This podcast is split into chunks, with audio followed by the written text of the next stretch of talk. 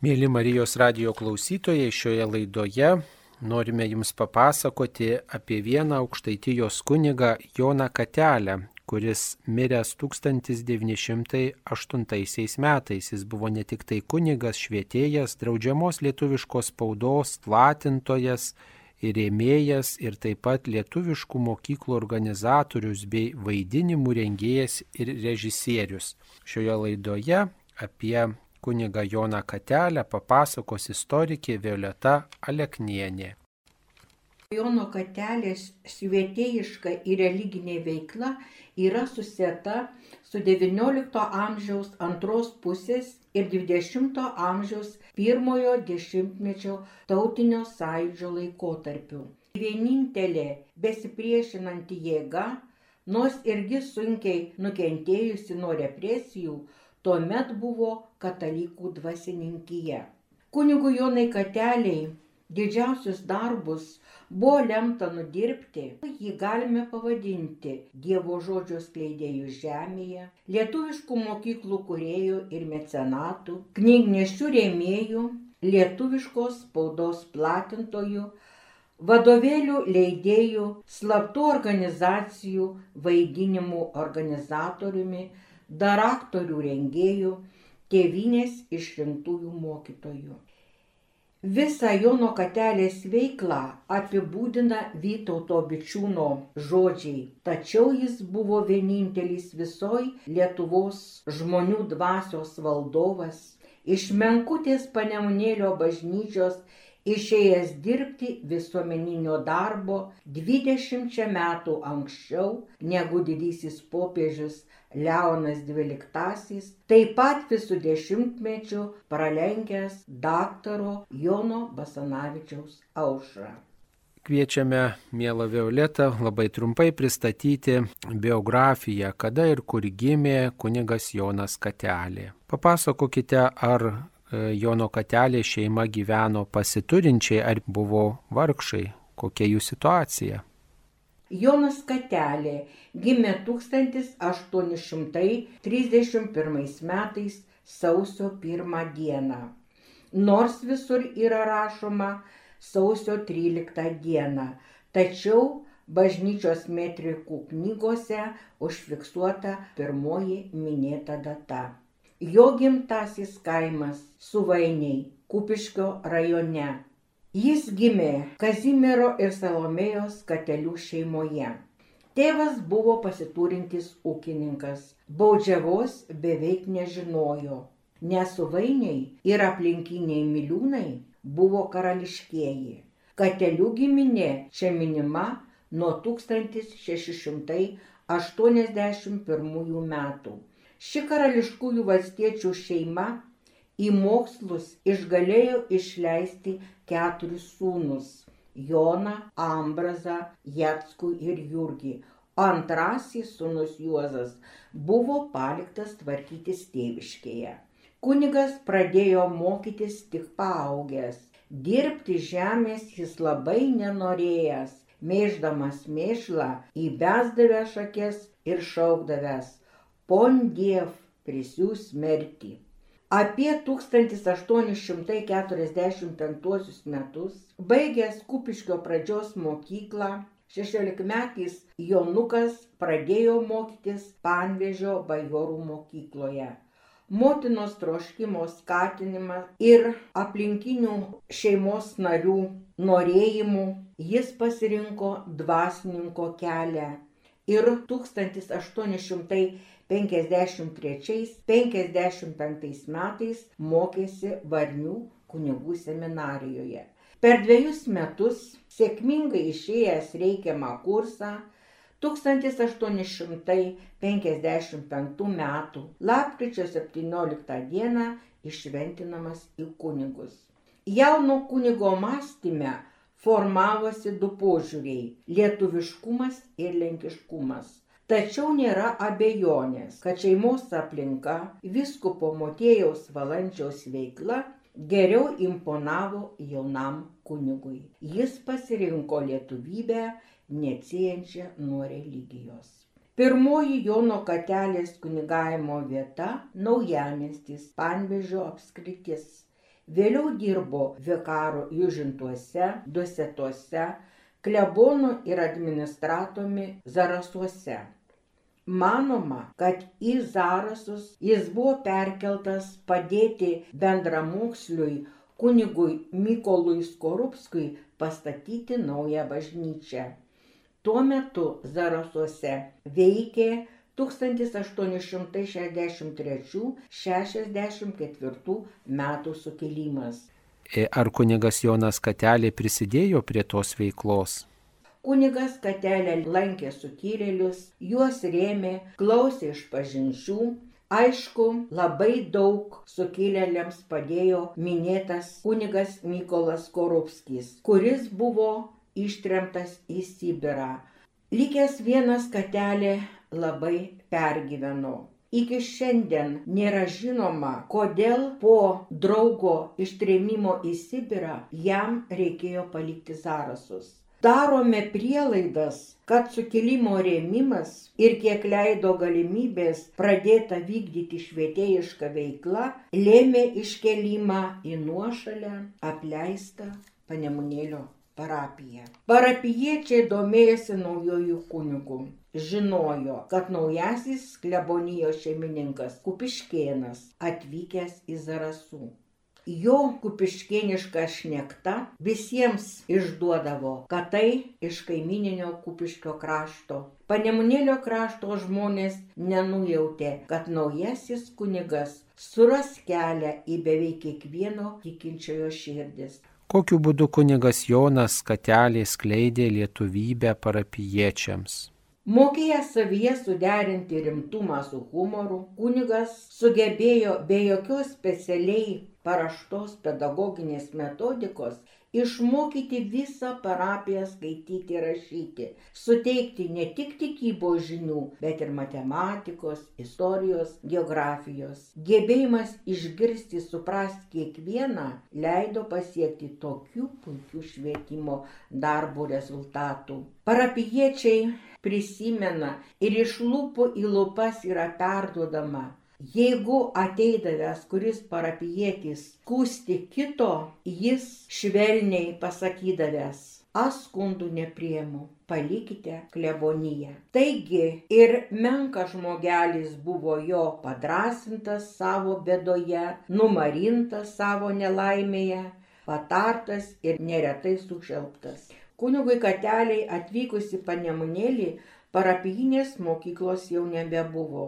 Iki to laiko dvarininkaičių Jedvygos ir Bronislavos Stravenskaičių vaikai slaptai buvo mokomi įvairiose miestelio pastatuose. Kunigas tuo labai džiaugiasi ir artimai susibendravo su seserimis. 1867 metais buvo Panemunėlyje įsteigta rusiška mokykla. Aišku, be bejonės, kad tai sunkiais gudžiais laikais šitoje apleistoje parapijoje mažai kas mokėjo skaityti ir rašyti. Pirmiausia, turėdamas tikslą geriau pažinti žmonės ir svarbiausia tęsti visko po motėjaus valančiaus priesakus, kunigas įvedė gegužinės pamaldas. Panemunėlyje anksčiau jų nebuvo. Judinti parapiją iš kasdienybės jis pradėjo po pusantrų metų buvimo panemunėlyje. Kasdien pradėta lankyti žmonės parapijos sodžiuose pats ir mokydavo juos. Per šventas mišes sakomi pamokslai. Tik į pamokslo pabaigą, kai baigdavo praktiškus pamokymus apie ūkį, švarą, jausmingu balsu sukaupęs visas jėgas, savo tokiu lietu, ramiu, emocingu balsu liepdavęs mokyti sūnus ir dukras. XIX amžiaus pabaigoje dažnai žmonės kaime neturėjo rašymo priemonių ir net popieriaus, kaip kunigas Jonas Katelė ieškojo sprendimo, kai norėjo pamokyti rašto kitus. Nuveždavo pats popieriaus, rašalų, plunksnų. Iš pradžių dalindavo dovanai, bet paskui duodavo tik bėdniokams. Pirmam mokslio ėmėsi mokyti ir gabius parapiečius, kurie tapo jo pagalbininkais švietimo srityje, vadinamais daraktoriais. Trūko vadovėlių. Tai didžiausias vargas. Skaityti mokė iš paprastų elementorių. Rašyti pats išrašydamas pirmasias raides ant rašymo priemonės. Tai buvo laikai, kai žmonės bendrai vakarodavo. Kas vykdavo tuose vakarojimuose? Pavakarojimų sodžiuose metu buvo ne vien mokymai.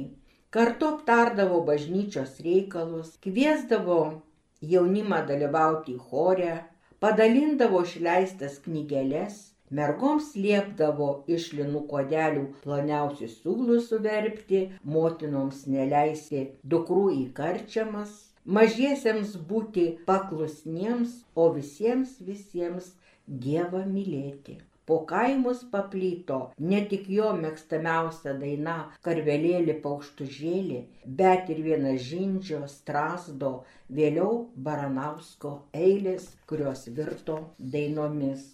Lietuvybei įsaugoti kunigas Jonas Katelė sugalvojo įvairiausių gudrybių. Ypač buvo sunku mokytis tarnams nes jie nuo darbo atliekamąją nakties laiko valandėlę te galėdavo skirti kunigo katelės užduotims atlikti. Tarnų mokslą prižiūrėjo daraktorė Teresė Kupetytė. Liko jos užfiksuotos mintys. Daugiausia skaityti ir rašyti vaikai ir jaunimas išmokdavo slaptose vargo mokyklose. Papasakokite, kas yra ta vargo mokykla. Slaptos mokyklos buvo steigiamos tik patikimų parapiečių namuose, tačiau jau nebebuvo. Tai naujiena visoje Lietuvoje. Parapijoje mokyklų tinklas labai platus. Šitekšnų, Tinžiulių, Vilių, Moškėnų ir kiti kaimai. Įsteigtas mokyklas lankė naktimis. Dienos metu tik mokinius sesukviesdavo arba kada nuvykęs pas ligonį dvasiškus reikalus atlikdavo. Mokymo laikas prasidėdavo vėlai rudenį ir baigdavosi vėlai pavasarį. Mokslas trukdavo trejus metus, tačiau kai kuriems reikėdavo mokytis ir ilgiau. Besikūrenčioms vargo mokykloms reikėjo daugiau vadovėlių. Kunigas kreipėsi į parapiečius kunigus. Geradaris ėmėsi knygų perrašinėjimų. Talkino kunigai taip pat ir gabiausi mokytojai, gražų raštą turintys mokiniai kitur besimokantys gimnazistai. Minima, kad klebonijoje jas perrašinėdavo net ir senyvas vargonininkas Silickas. Panemunėliečiai prisimena, kad seniukui Silickui net pirštai sulinkdavo nuo šio darbo. Ar visi jau tais laikais taip noriai kibo į mokslus? Ne visi parapiečiai mokslą laikė reikalingu Moškėnų kaimo seniūnas Jonas Janonis ir to paties sodžiaus vėjas suplėšo duotus popierius, vadovėlius, įsklaido sodžiaus vaikus.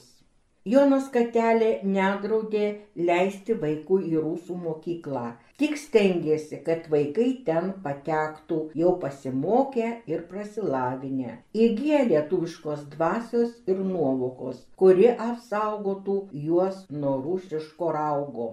Katelė mokė ir į rusų mokyklą einančius vaikus. Mokslas nenutrūkdavo ir vasarą. Prasidėdavo dainavimo pamokos špitolėje, vaikų katechizacija, tikybiniai ir šiaip savo pašnekesiai su jaunimu šventoriuje ir klebonijos sode. Panemunėlio parapijoje katelės ir jo bendraminčių dėka neliko beveik ne vienos sodžiaus, kur nebūtų buvęs slaptos mokyklos ir nedirbę jo mokiniai, daraktoriai Apie 1900 metus skaityti rašyti čia buvo pramokę beveik visi. Viskupas Mečislovas Paliulionis yra sakęs, kad rašomai medžiagai kunigas yra išleidęs apie 3000 rublių. Be lietuviškų knygų švietėjiška veikla buvo neįmanoma. Knygnešių veiklą jis pradėjo organizuoti lygiai grečiai su slaptu mokymu. Turėjo jis patikimų žmonių ratą nuo zarasų laikų.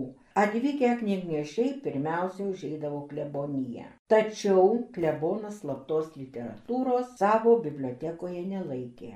Daugiausia knygų buvo slepiama klebonijos palivarkė naujykose. Tik sužinojus, kad rusų žandarai taikosi daryti kratą, knygos būdamo užkasamos žemėje, išmėtomos po apylinkę, padedamos kaimininių sodžių daržinėse. Viena iš slaptaviečių buvo špitolė. Reikalui esant knygas slėpdavo klebonijos rūsio akmeninėje sienos kilėje į sodo pusės, net pirtyje, Nemunėlio upės pakrantėse įsteigtose slėptuvėse. Negalima nepaminėti paties mieliausio jo bendražygio Jono Šarkausko. Tai buvo kunigo nuo 12 metų išaugintas, išmokytas įdomios kalbos žmogus. Turėdamas labai gražų raštą klebonijoje, perrašinėdavo vadovėlius, tvarkė kuniko biblioteką, slėpė ir platino knygas. Jos sumastymu, pritarant klebonui, buvo nukasti Nemunėlio upės šlaitai ir pasodintas sodas, tvarkomas ir prižiūrimas bitynas. Jis visada liepdavo Jonu Šarkauskui būti šalia jo. Kai tik pamatydavo, kad atvažiuoja traukinys nuo Dinaburgo pusės, liepdavo Jonui ir Bernui pakinkyti arklių vežimą. Sėsdavo ir kartu su traukiniu pasiekdavo Panemunėlio geležinkelio stotį, kuri buvo už 3 km nuo miestelio. Pasėmęs, kas jam yra brangiausia, linksmas grįždavo į savo bažnytkaimį.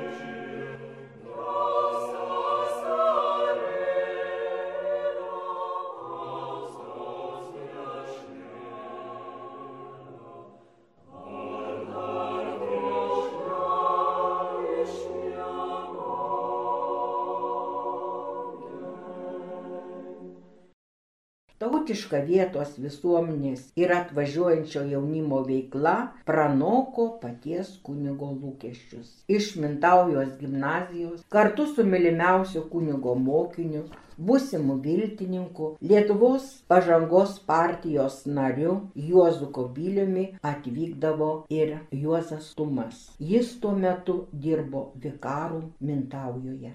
Lietuvių kalbos mokytojas Jonas Jablonskis, Mintaujos mokiniai Antanas Metona ir Juozas Tubelys. Čia dažnai lankydavosi poetas Maironis, Jonas Basanavičius, Aleksandras Jakštas Dambrauskas, Mykolas Riomeris, Antanas Vienažindis. Karšti pokalbiai, diskusijos, vienas kito klausimai vyko klebonijos valgomajame. Prie arbatos podelio buvo aptariami įvairūs lietuvybės klausimai. Didelių vaišių pokalbių metu niekas neruoždavo, kad neprišauktų nelaukiamų svečių.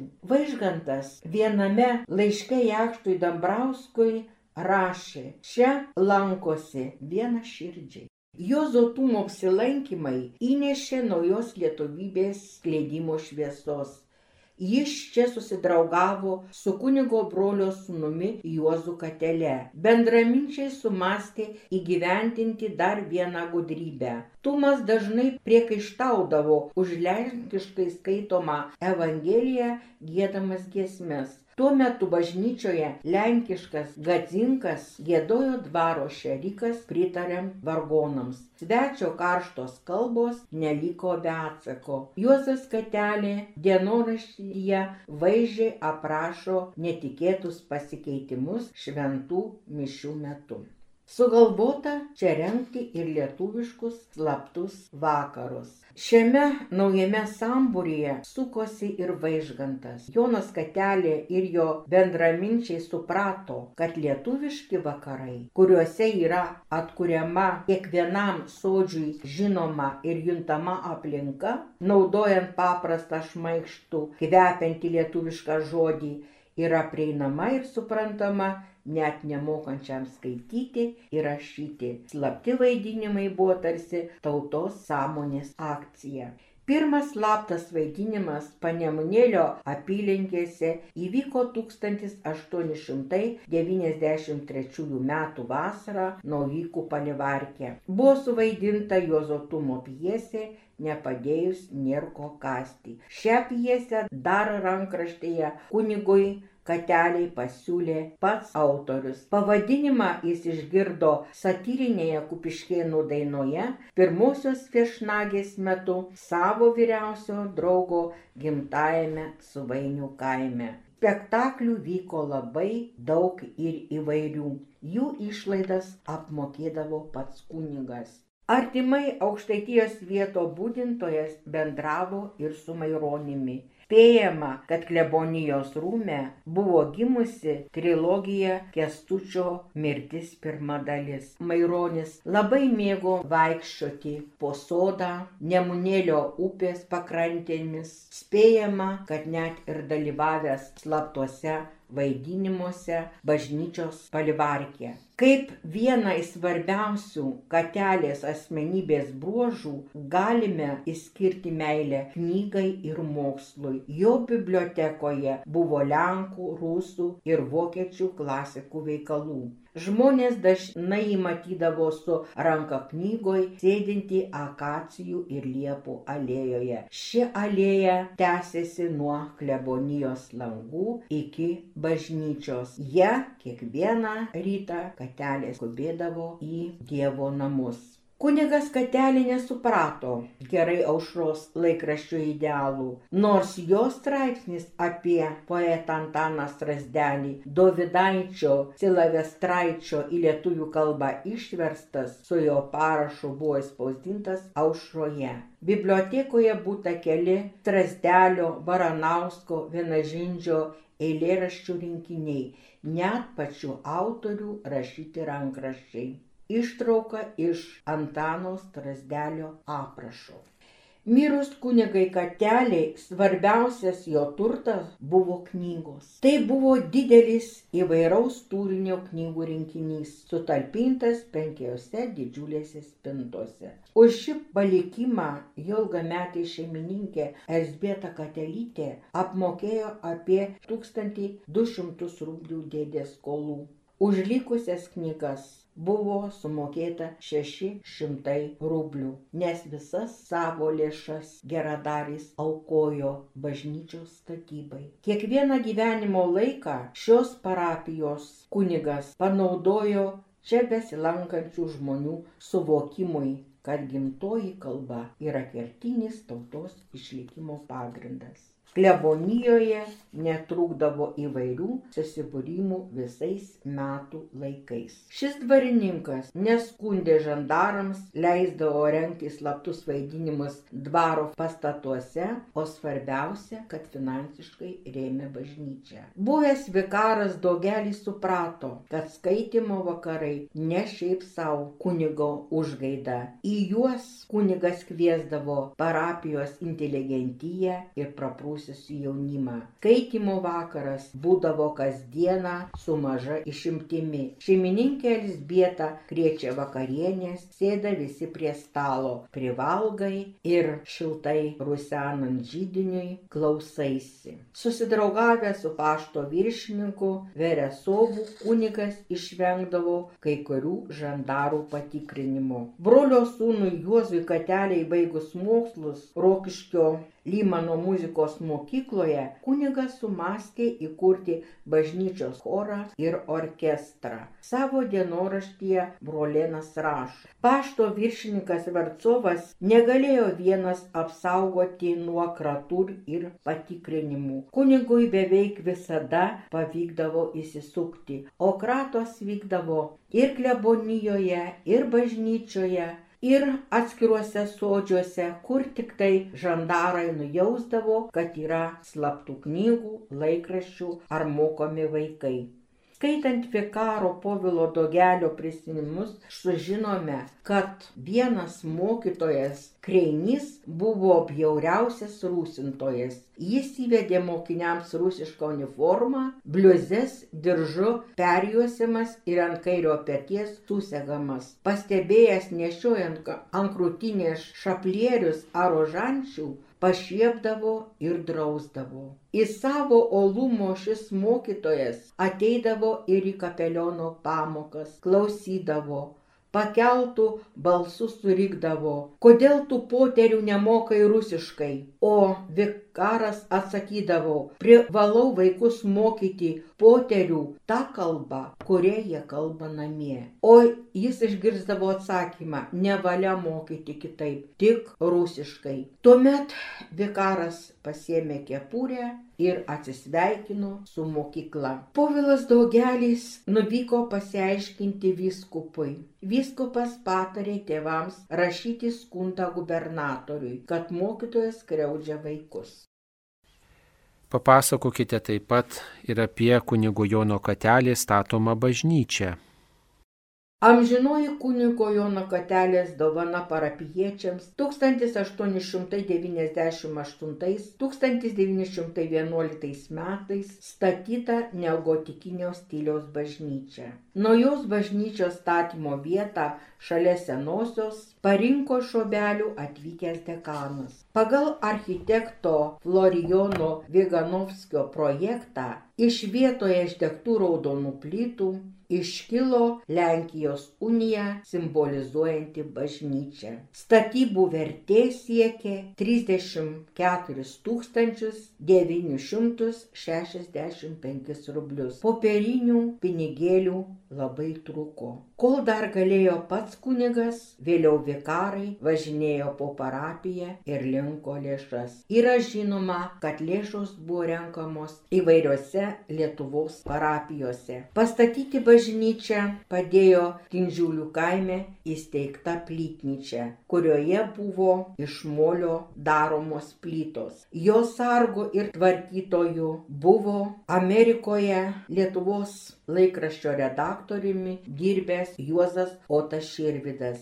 Tos plytos buvo vežamos arkliais į statymo vietą. Spėjama, kad bažnyčia pastatyta iš vieno milijono plytų. 1911 metais, gegužės 8 dieną, pagal naują kalendorių 21 dieną, atvykęs gubernijos architektas Nikolajus Andrejevas apžiūrėjo naują bažnyčią, Buvo surašytas aktas ir ją leista eksploatuoti. Matyt, įrengus didįjį altorių, Panemunėlio naują bažnyčią 1911 metais rugsėjo 17 dieną iškilmingai pašventino prelatas Maironis.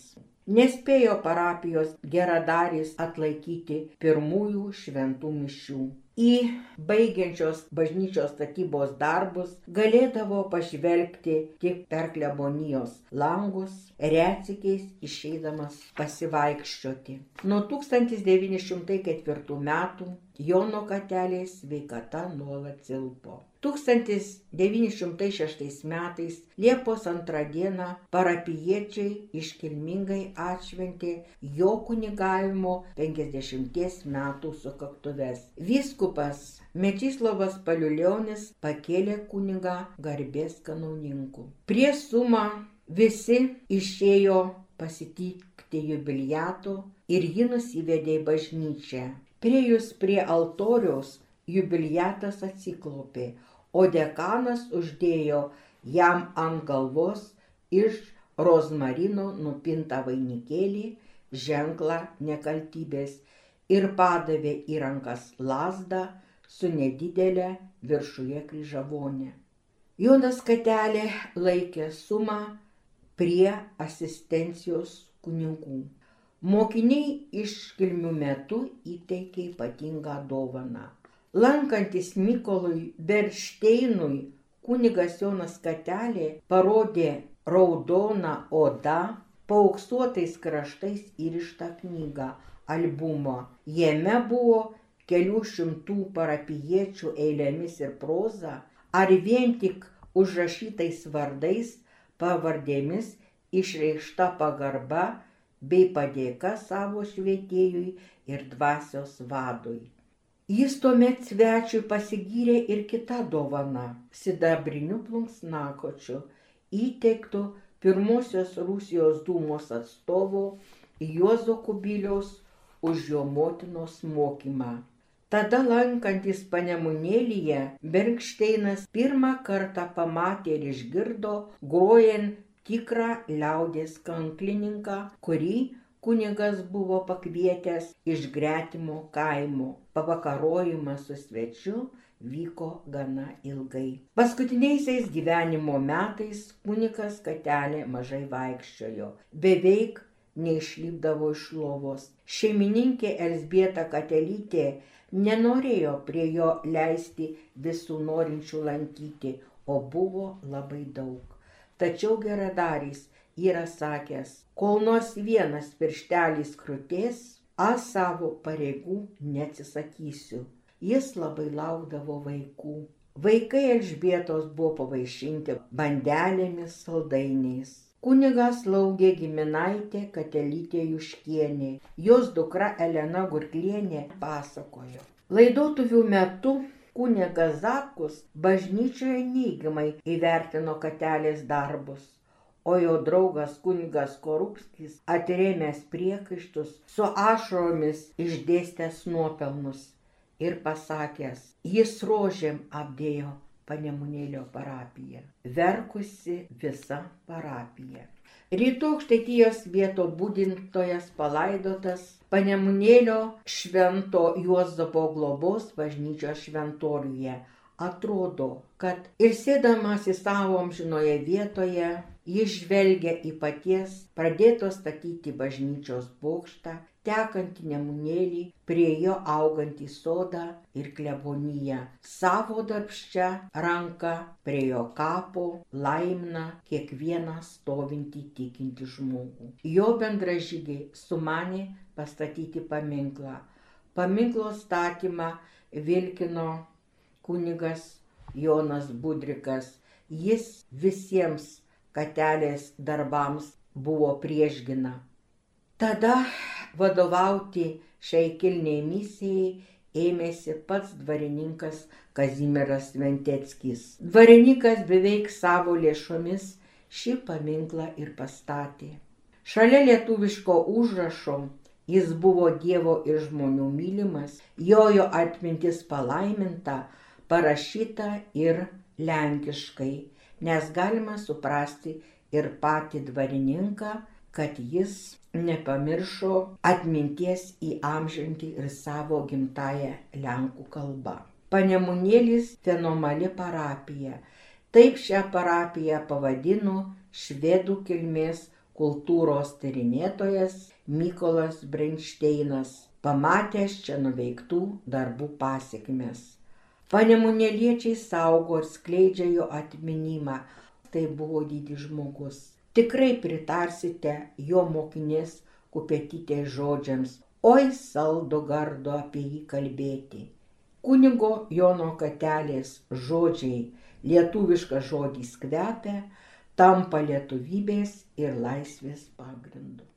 O kaip Jūs manote, ar kunigui savo gyvenimą skirti lietuvių kalbai tinka, gal geriau tiktų pašvesti savo gyvenimą tam, kad žmonės turėtų tvirtesnį tikėjimą ir labiau mylėtų Dievą? Taip, visose jo darbuose, jo laikmečio parapiečiai ir jam išėjus į amžinybę iki šios dienos parapiečiai jaučia skleistą Dievo žodį. Jis puikiai suprato, kad mokslas padės paprastam žmogui ir tikėjimą suprasti, ir jį skleisti savo širdyje ir su Dievo palaima gyventi visą gyvenimą. Jis labai buvo religingas žmogus, manome, kad tą meilę atsinešė į savo gimtųjų namų, tai buvo karališkieji valstiečiai, kurie visada kiekvieną sekmadienį eidavo į bažnyčią, daugiau laiko turėdavo savišvietai. Mes be jo tėvelių nebūtume turėję ir šio puikaus žmogaus ne tik panemunėlyje, bet ir visoje Lietuvoje. Minėjot, kad jis pažinojo taip pat ir kitus tuo metu šviesuolius, tai gal gali dar pabrėžti, kokie draugystė įsėjo su tuo metu šviesiais kunigais, ypatingai kitais kunigais, kuriem rūpėjo ir tikėjimo nuotaika, tikėjimo dvasę skleisti ir šviesti Lietuvo žmonės. Apie jo veiklą žinojo ne tik tai aplinkinių parapijų kunigai, bet žinojo beveik visa Lietuva. Kiek galėdamas jis vykdavo į aplinkines parapijas, bendraudavo su ten gyvenančiais žmonėmis, Daugiausia jis lankydavosi Žiobiškyje, Kamajuose, Rokišky, Zarasuose, Južintuose, pasiekdavo ir Naujamestį. Be to, kunigo asmenybė labai daug prisidėjo ir prie būsimo kunigo lietuvių literatūros klasiko Jozo Tumo Vaižganto asmenybės susiformavimo. Kaip prisidėjo katelį prie Vaižganto tokios brandos? Yra žinoma, kad jį kamajuose su vaižgantu supažindino kunigas Tumėnas. Ir katelę su vaižgantu. Taip, katelę su vaižgantu supažindino kunigas Tumėnas ir nuo to karto taip abu susidraugavę, kad kai tik būdavo atvyksta Tumas į savo gimtąjį kaimą Malaišius, paprašo tėvo, kad jį nuvežtų į panemunėlį. Be to, gavęs tik pirmą savo darbo vietą, kai buvo paskirtas vikaru į Mintaują, kartu su katelės mokiniais, kada tik rasdavo laiko, atvykdavo į panemunėlį.